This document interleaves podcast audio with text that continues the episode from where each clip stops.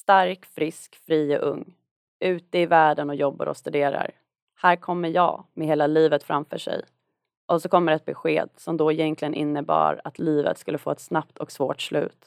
Steve Sjöqvist är den första som fick behandling för hiv i Sverige i mitten på 90-talet.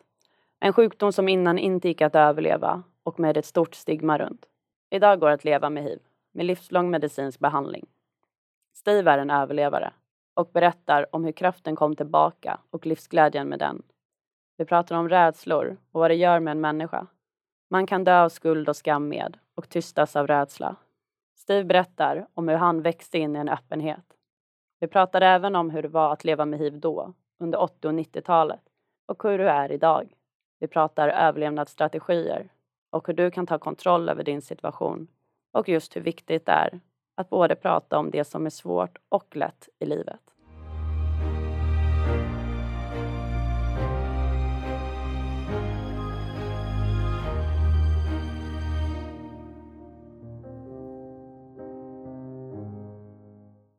Hej och välkommen till veckans avsnitt med mig, Jonna Ekdahl, kommunikatör på Skyddsvärnet. Och hej och välkommen till dig Steve. Tack så mycket för att jag fick komma hit. Tack för att du ville komma. Mm. Hur mår du? Jag mår bra. Det är måndag morgon. Det är alltid lite segt med måndagar tycker jag. Men eh, idag skulle jag göra någonting som jag in, inte gör. Jag gick inte direkt till sjukhuset utan jag gick hit till dig. Mm. Lite variation. Ja men det är viktigt tror jag. Ja. Mm. Vill du berätta lite grann vem du är? Jag heter Steve Sjöqvist och jag har precis fyllt 65 år. Och det, ja, men det var lite trauma. För då säger jag, men nu är du pensionär. Och jag är en sån där som inte har en dugg för avsikt att sluta arbeta. Och det behöver man ju inte heller. Och eh, jag arbetar som sjukhusdiakon.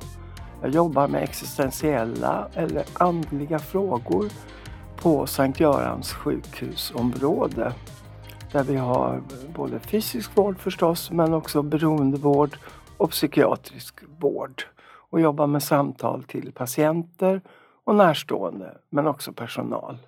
Så det gör jag och vi har ju haft en otrolig eh, Ja, det har varit tungt eh, under coronatiden att jobba på sjukhus. Och, eh, men nu känns det som vi andas lite lugnare när det inte alls är så många som är inlagda. Jag ska väl säga att de som är inlagda är ovaccinerade och det kan jag väl känna en viss irritation på. Jag tycker människor ska vaccinera sig så fort de kan.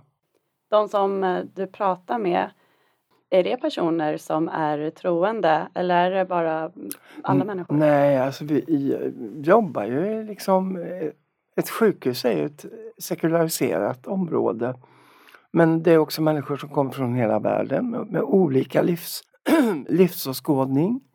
Och eh, jag jobbar i jättevackra lokaler så har du vägarna förbi någon gång så måste du komma in. Mm. Vi har ett stilla rum där vi har en ljusbärare och jättevackra glasfönster. Men inga religiösa symboler. Uh, har man behov av dem så finns de i skåp för de mm. största religionerna. Så vi kallar det för stilla rummet. Och där kommer muslimer för att be. Och där kommer vanliga sekulariserade stockholmare och vill tända ett ljus för att man har en sjuk pappa eller syster eller bara sitta ner en stund. Eller komma förbi för att fråga Jag har fått ett tråkigt besked, har du tid att prata med mig? Mm. Så det är Ja, jag brukar säga om mitt arbete, vi är tre stycken, en pastor, en präst och en diakon. Och vi brukar säga att vi gör det som andra inte har tid att göra. Vi kan sitta mer än fem minuter vid en sjukbädd och vi blir också indragna när det är allvar och kris och jag har ett väldigt roligt arbete. Verkligen. Mm. Mm. Nu känner jag att jag skulle ha massa frågor och fråga ja. ännu mer om ditt arbete, ja. hur det funkar. Ja. Men det ska vi inte prata om Nej. Eh, idag. Nej. Idag så ska vi prata om eh, att leva med hiv. Ja. Och eh, att eh, gå ifrån att leva eller få ett besked som först innebär att man skulle dö mm. till att sen fortsätta leva livet. Ja. Och så har det varit för mig som fick mitt HIV-besked redan 1987. Mm. Mm. Det, det är tidigt. Ja, det var tidigt. Mm. Och nästa år, 2022, så är det ju 40 år sedan den första diagnosen eh, ställdes i Sverige. Mm. Och 2022 har jag levt 35 år med HIV. Så att jag har ju nästan levt parallellt med den här sjukdomen. Mm. Och det är också speciellt. Mm. Mm. Vill du berätta lite om eh, vad hiv är idag? För det är, kunskapen är inte Nej. jättehög. Nej precis. Nej, men jag tycker vi börjar från början. Av så här. Mm. HIV betyder humant immunbristvirus. Och det tog en stund innan det fick ett namn, innan den här sjukdomen fick ett namn. Den hette HTLV3, den kallades för GRID ett tag. Och så hade man massa eh, andra namn som ro- rosa cancer och bögpest. Och mm, det är därför att i den rika delen av världen, eller västvärlden, så eh, hittade man HIV-viruset i, man kan säga, medelklass vita män. Och då var det ju inte fokus på Afrika, för det vet vi ju att hade vi haft det så hade vi sett massor av HIV.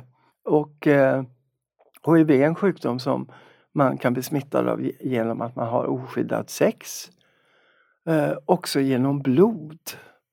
Så mm, vi har ju till exempel sprututbyte på Sankt Görans sjukhusområde där narkomaner kan gå och byta sina sprutor så de alltid använder rena sprutor. För det var ju en, en risk om man delar sprutor med någon som har HIV. Eh, så kunde man ju bli smittad. Och Mm. jag har ju många olycksbröder och systrar som hade, hade varit narkomaner. Så för mig är det också väldigt naturligt att jobba med dem på sjukhuset. Eh, så då finns det rena sprutor för det.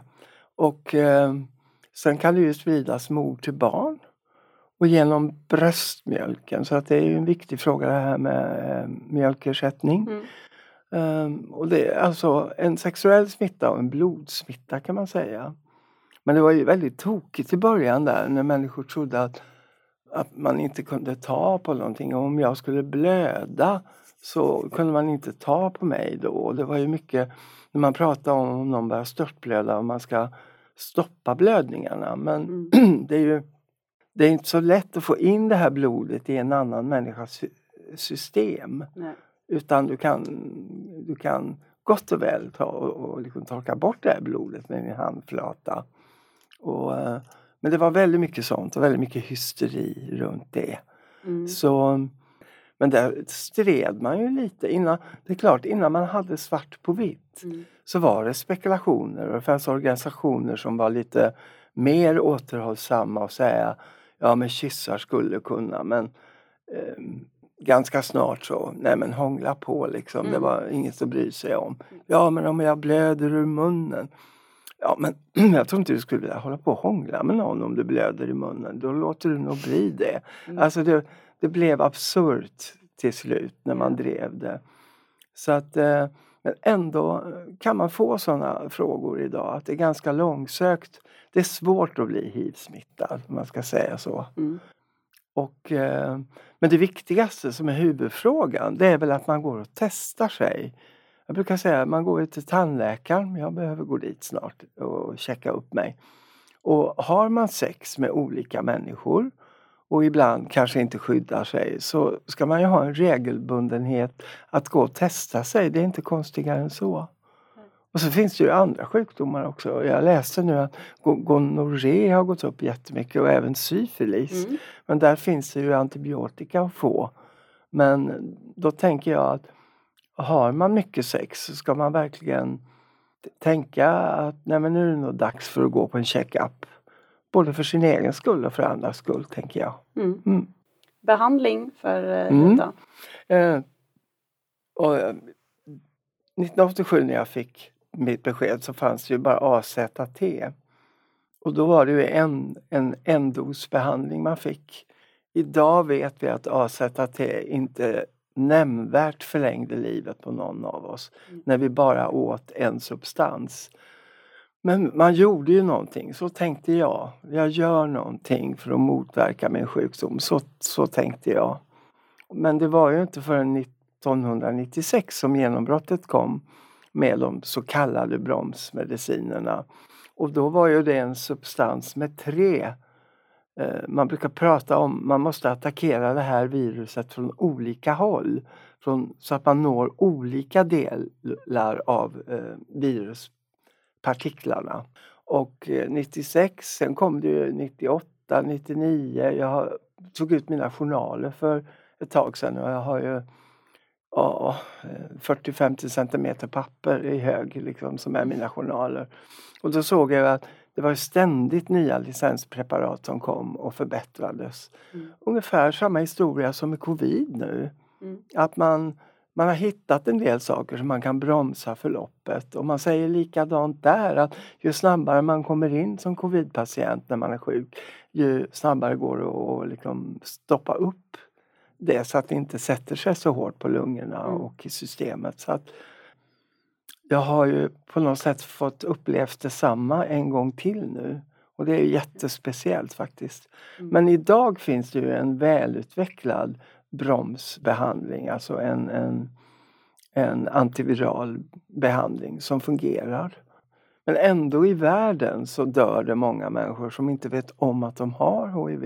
Mm. Och det är klart, nu pratar vi om HIV, men om du inte kollar upp att om du är frisk så kan du gå med HIV och då utvecklar du aids till slut. För då, när du får ett utslaget immunförsvar då kommer de här opportunistiska infektionerna som lunginflammation, eh, de svarta fläckarna, kaposisarkom som är en cancerform mm. Mm. och massa andra saker med svamp i munnen kanske det börjar med och sen blir det och har man ett helt utslaget immunförsvar så kommer de här sjukdomarna väldigt aggressivt på. Mm.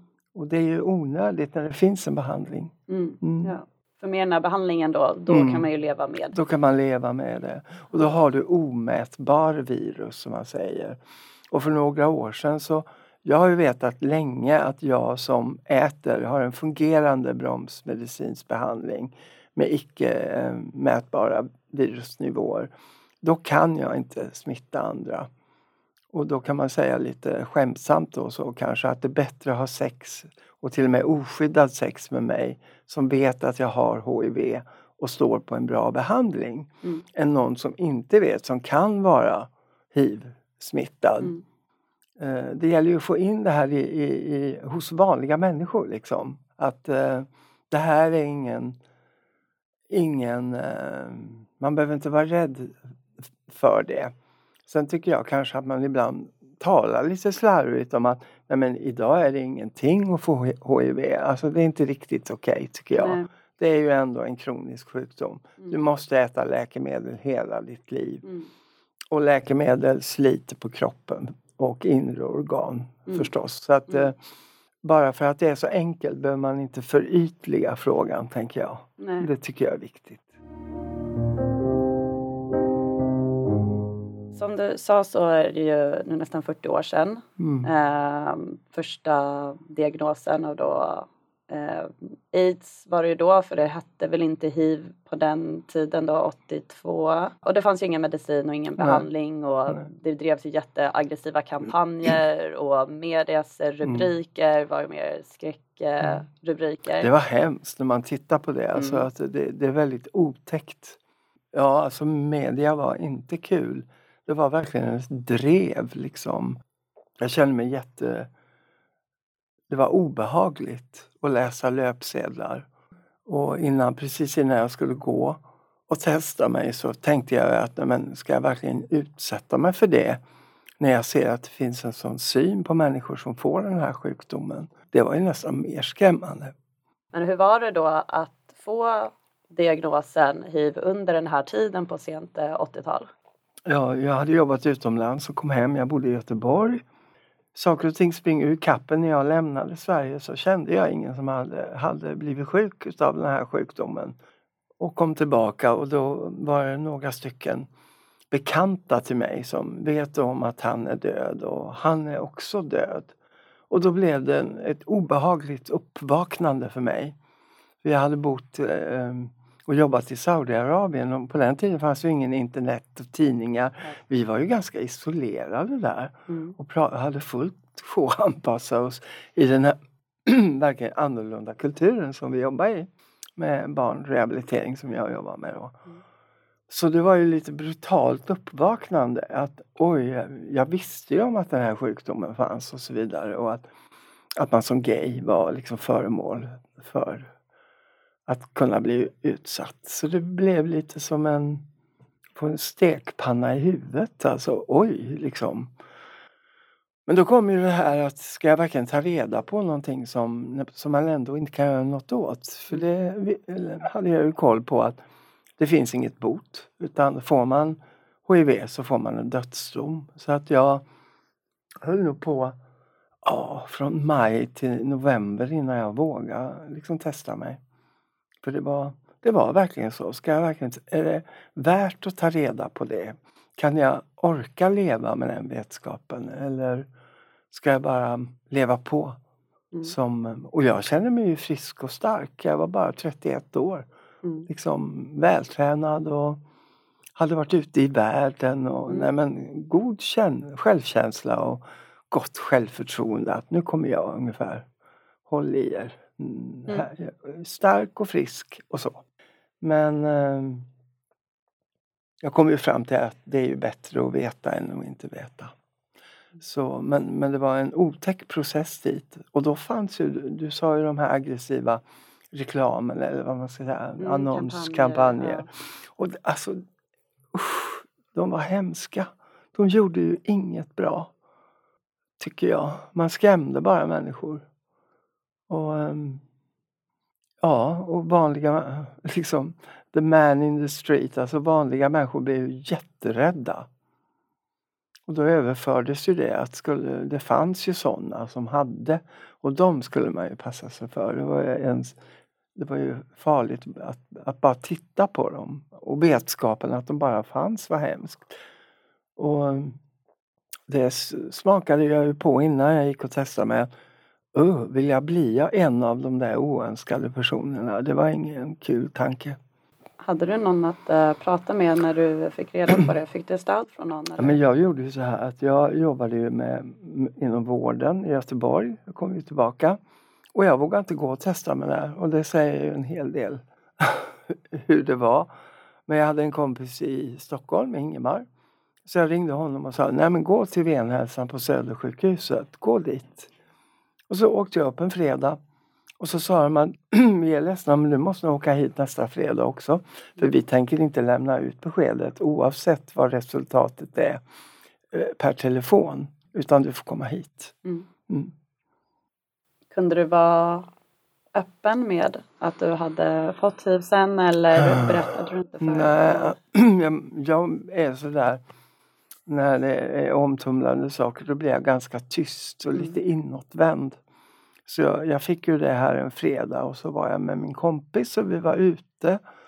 Och sen bad de mig stanna kvar för de ville liksom kolla hur, hur jag mådde. Så att jag stannade väl kvar några dagar på veckan där och var i kontakt och de såg att, ja, att jag liksom kunde hålla ihop mig och så. Det var en väldigt fin omsorg. Och sen pratade jag med min chef, jag hade börjat jobba med hjärtrehabilitering. Och då sa min, jag sa som det var till min chef att jag har fått HIV. Men då sa han, det är inget fel på dig, kom, kom hit och börja jobba, vi behöver dig här. Så det är ju också en fantastisk historia. Det är ju ganska stort för ja, bara på den tiden. På den tiden. Mm. Men då var han också en gay kille som ägde eller mm. var ansvarig för den här rehabiliteringen och som var sjukvårdskunnig. Så att eh, det betyder jättemycket att han sa så. Kom hit, det är inget fel på dig. Mm. Så um, jag fick en bra omsorg. Och man fångade upp mina tankar och mina känslor på Södersjukhuset. Och jag hade en arbetsgivare men det var ju jätteläskigt för tänk om det hade kommit ut på en hjärtrehabilitering. Jobbade på en klinik med de som skulle byta hjärtan eller få ett nytt hjärta. Om det hade kommit ut i media. Alltså det hade inte varit nådigt. Hur var det då? Du var under, du fick det beskedet på sent 80-tal. Mm, 87. Och, ja, och fram tills då mitten på 90-talet ungefär så fanns Mm. det ingen behandling. Då var det att eh, folk dog. Det är ju en hemsk sjukdom. Ja. Alltså den är vidrig. När du på något sätt bara tappar immunförsvaret Mm. så är det mycket otäcka syndrom som visar trynet. Och värst var det väl tycker jag när jag hade, eh, jag ska väl säga också att jag eh, flyttade till Stockholm 1988 för jag kände att nu har jag mina vårdkontakter i Stockholm. Och jag hade ett bra jobb men jag kände att nej, nu får jag följa med vården. Så jag flyttade till Stockholm och började engagera mig på eh, i den här hiv-organisationen som heter Noaks ark. Och det var, det var jätteviktigt för mig. Men då såg man ju också, och det svåraste som jag såg, som jag tyckte, ja det var mycket som var svårt, men de som blev, fick någon sorts demens, så att det satt sig på hjärnan, Mm. det tyckte jag var svårt. Och hade en kompis som fick det, det tyckte jag var hemskt med den Mm. tomma blicken och jag frågade, ska du vara kvar här eller ska du åka hem? Så kunde han inte, så kom det en tom blick. Att han visste inte vad jag pratade om. Och det gjorde ont. Och det här var en kille bara lite över 30 år. Snygg, va- Ja. vacker man. Det var hemskt. Vad hade du för eh, överlevnadsstrategi? Hade du någon under den här tiden när det inte fanns någon eh, behandling? Mm. Alltså min strategi var ju att det var bättre att vara innanför frågan än utanför. Att sitta och bara undra. Så jag gav mig rakt in i verkligheten och blev volontär. Jag började sen, fick erbjudande ganska snabbt om att börja jobba för Sveriges studi- eh, förenade studentkårer med ett HIV-projekt. Det var ju rätt så mycket pengar i omlopp och SFS som de heter då hade fått ganska mycket pengar för att jobba med högskolor och universitet och behövde en koordinator som själv hade en akademisk examen. Och då råkade hon komma ner på Noa Clark när jag var där och då var det någon som sa inte det här är ett jobb för dig. Så att ja, då korsades det och jag tog på mig det. Och då fick jag jobba i flera år och jag reste över hela Sverige och jobbade med studentkårer. Så, och fick också eh, gehör för mina frågor. Och vi kallar det projektet för kunskap, känsla, förnuft.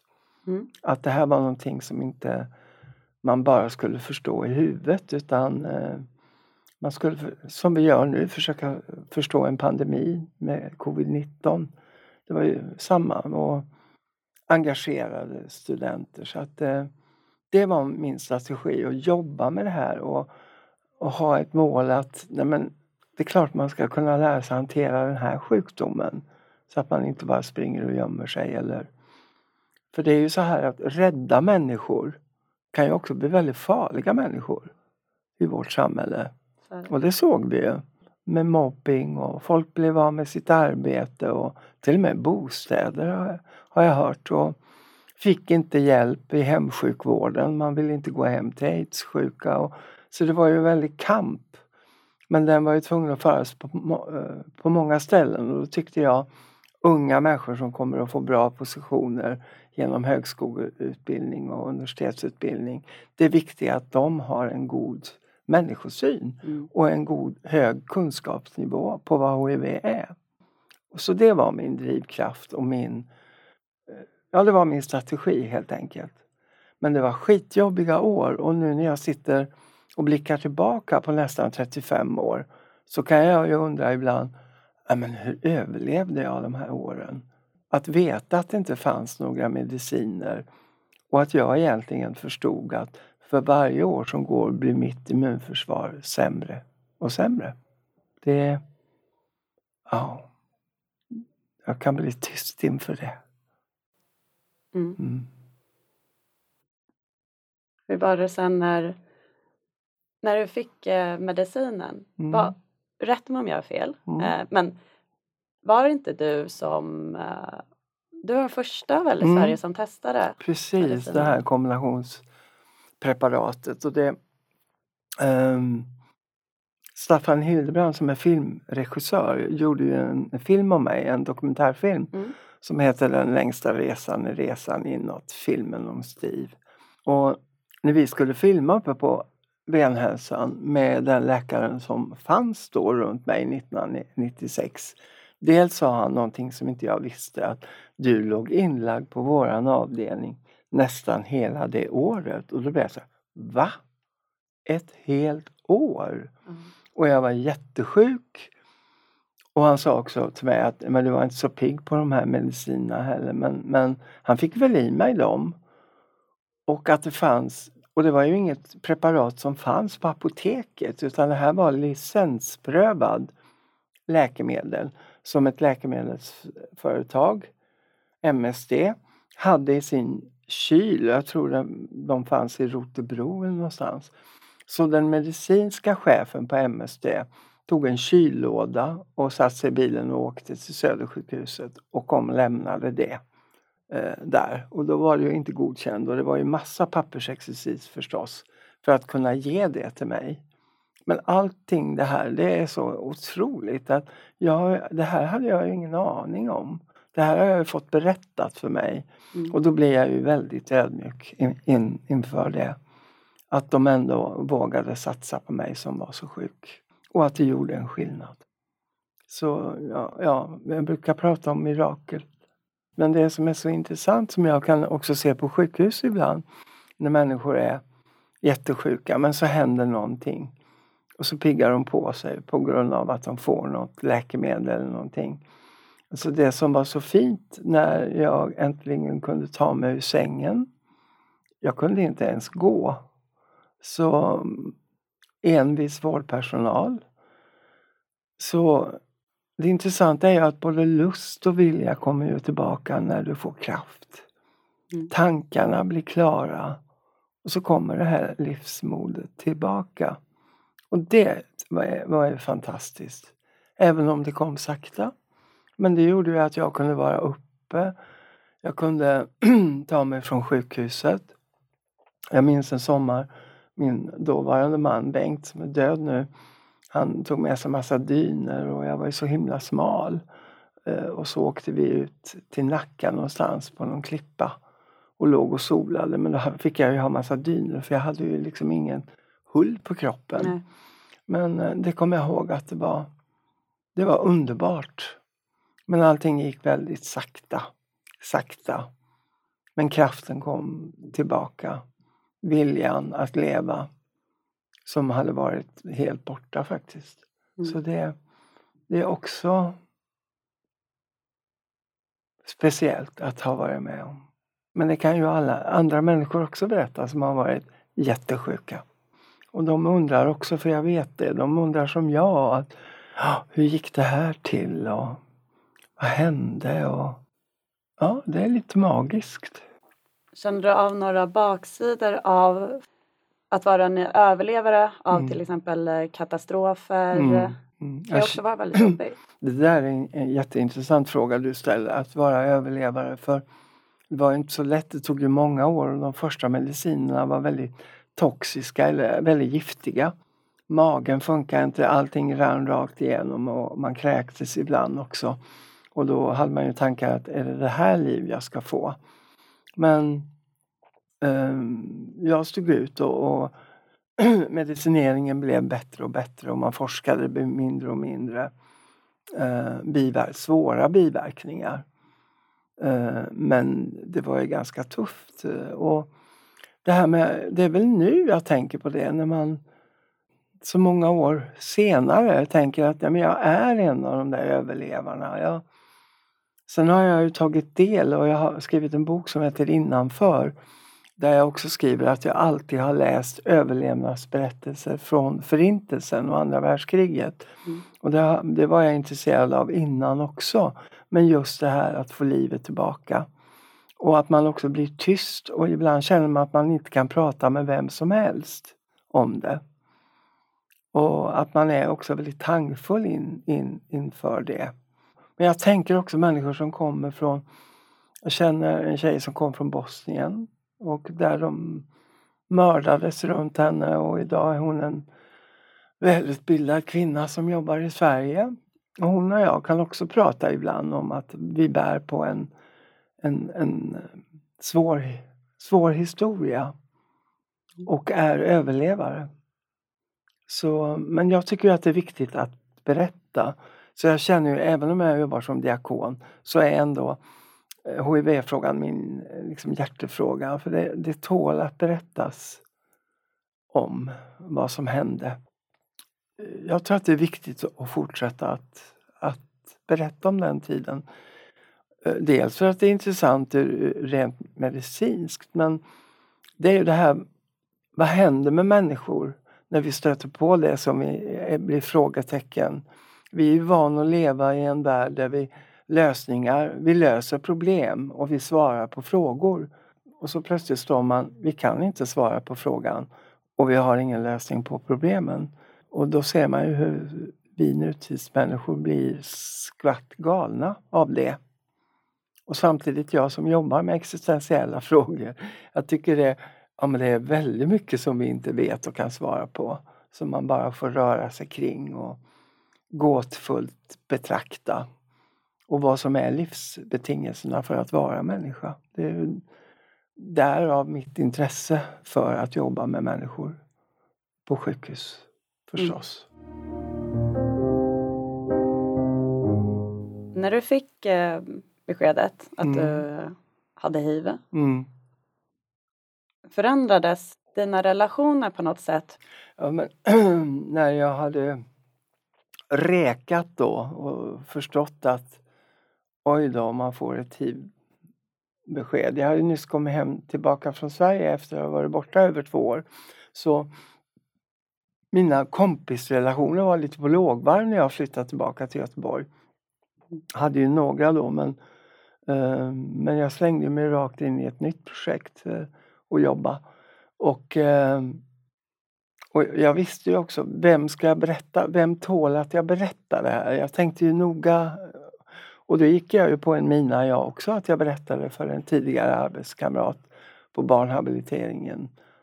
Och hon berättade vidare till en annan person. Men eh, den personen, eh, en, en kille, ringde upp mig och sa Steve, jag har fått reda på någonting om dig som jag tror du skulle vilja ha berättat själv för mig.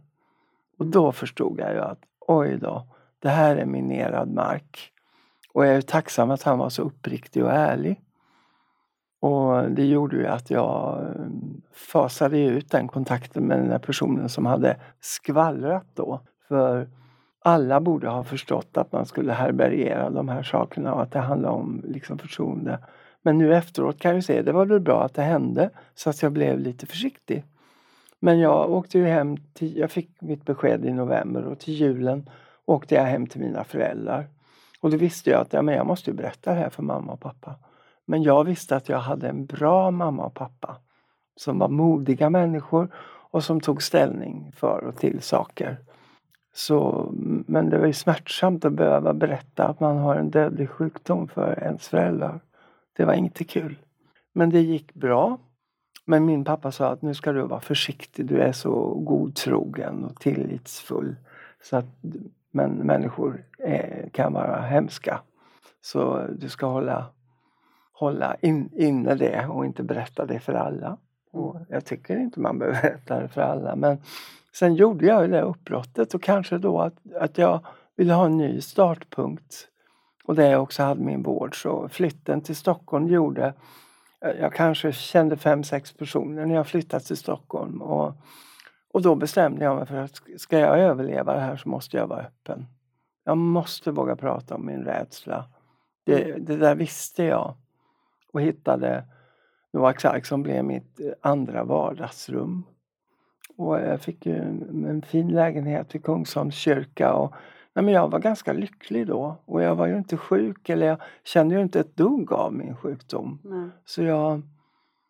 Och sen de jag skaffade mig som vänner så bestämde jag mig för och när jag började jobba på SFS så sa jag väl inte till alla rakt ut men det, jag växte in i någon sorts öppenhet. Det kom ju inte på en gång.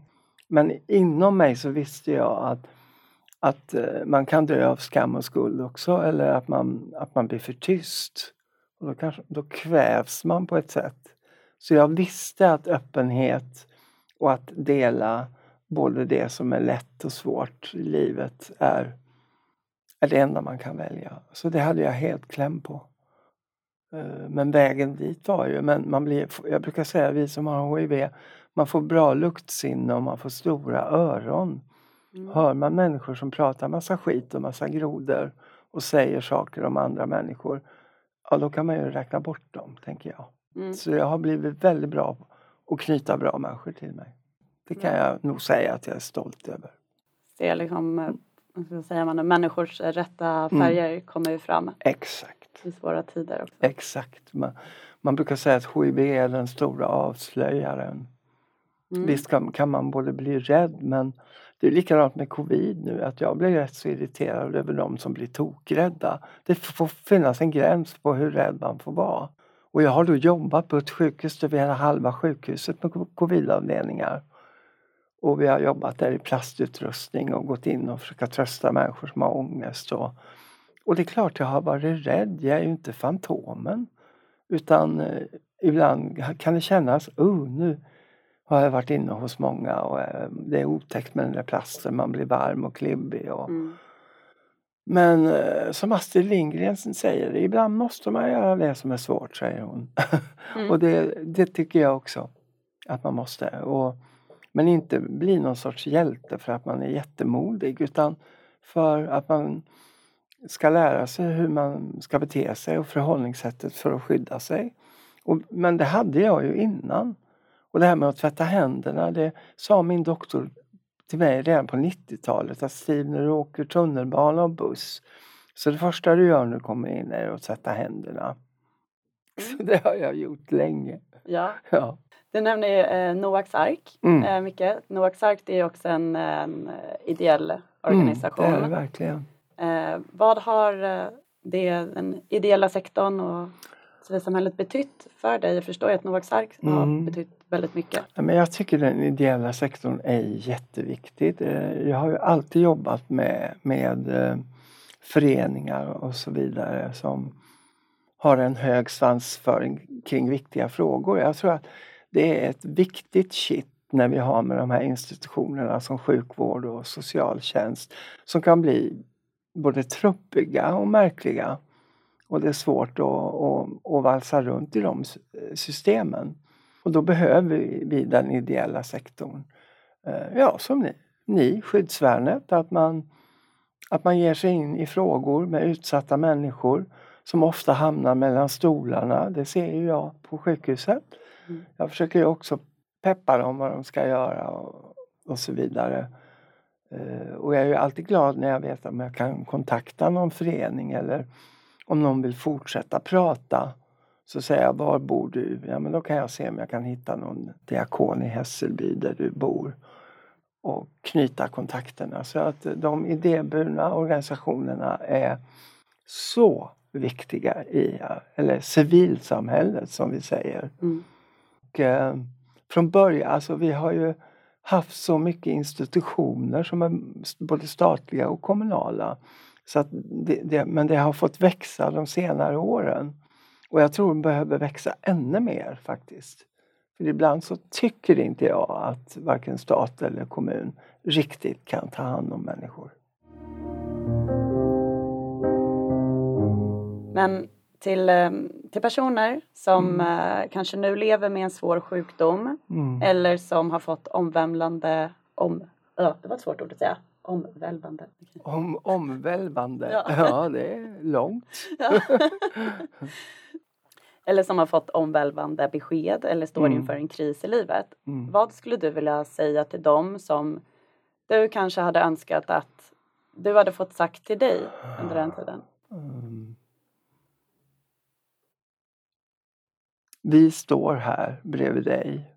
Du är inte ensam. Och ge nu inte upp. Ta reda på allt om din situation. Håll i rodret själv. Försök att lita på dem du får hjälp av men lämna inte över hela frågan till andra. Utan var Uh, eh, håll i rodret själv och styr. Skulle jag vilja säga. Och ta hjälp av andra. Tack. Mm, tack så mycket. Då har vi den, mm. eller då har jag den absolut sista frågan. Mm. Skulle du vilja berätta något som är lite oväntat eller roligt om dig själv? Ja. Jag har ju haft väldigt mycket föreläsningar, jag har skrivit böcker och jag är van att vara framför människor. Oavsett om det är 20 personer som sitter eller 500. Jag har inga problem med det. Och eh, anledningen att jag inte har det är att jag sjöng i en dansbandsorkester i Värmland under några år. Mm-hmm. Mm. Så jag sjöng i Elvins orkester och eh, kajkade runt på stadshotell och dansplatser och Folkets park och så. Där lärde jag mig jättemycket att framträda. Ja, mm. gud vad roligt. Och jag är en fena på Sven-Ingvars låtar. Men det är, en, det är jag väldigt stolt för och tycker att det är jätteroligt. Mm. Och har väldigt mycket låtar i huvudet. Och har väldigt lätt för att lära mig låtar utan till. Ja, ja kul. Ja, så, så det är kul. Ja, jag vet också om att du fick i eh, nu under Stockholm Pride ja. så fick du ett pris utav RFSL Stockholm. Mm, det fick jag. Mm. Gamla hjältars pris i gott sällskap av Maj-Britt eh, Bergström Valand och eh, Barbro Westerholm som fick förra året. Så, och det var så oväntat. Det oväntade händer och jag går fortfarande och tänker att oj, tänk att RFSL gav mig det priset. Jag är jättestolt och tacksam för det. Kul! Mm, mm. Jättekul! Ja. ja, men eh, då får vi jag tacka jättemycket för att du ville komma hit. Tack så mycket Jonna, det var en jättefin stund här mm. i den här ganska gosiga mm. studion, tycker jag. Ja, det är rätt mysigt här. Mm, det är det. Absolut. Tack så jättemycket. Tack. Och om du som lyssnar har tips på ett ämne eller en gäst som du vill att vi ska ta med podden, skriv då till nyheter skyddsvarnet.se. Tack för att du har lyssnat.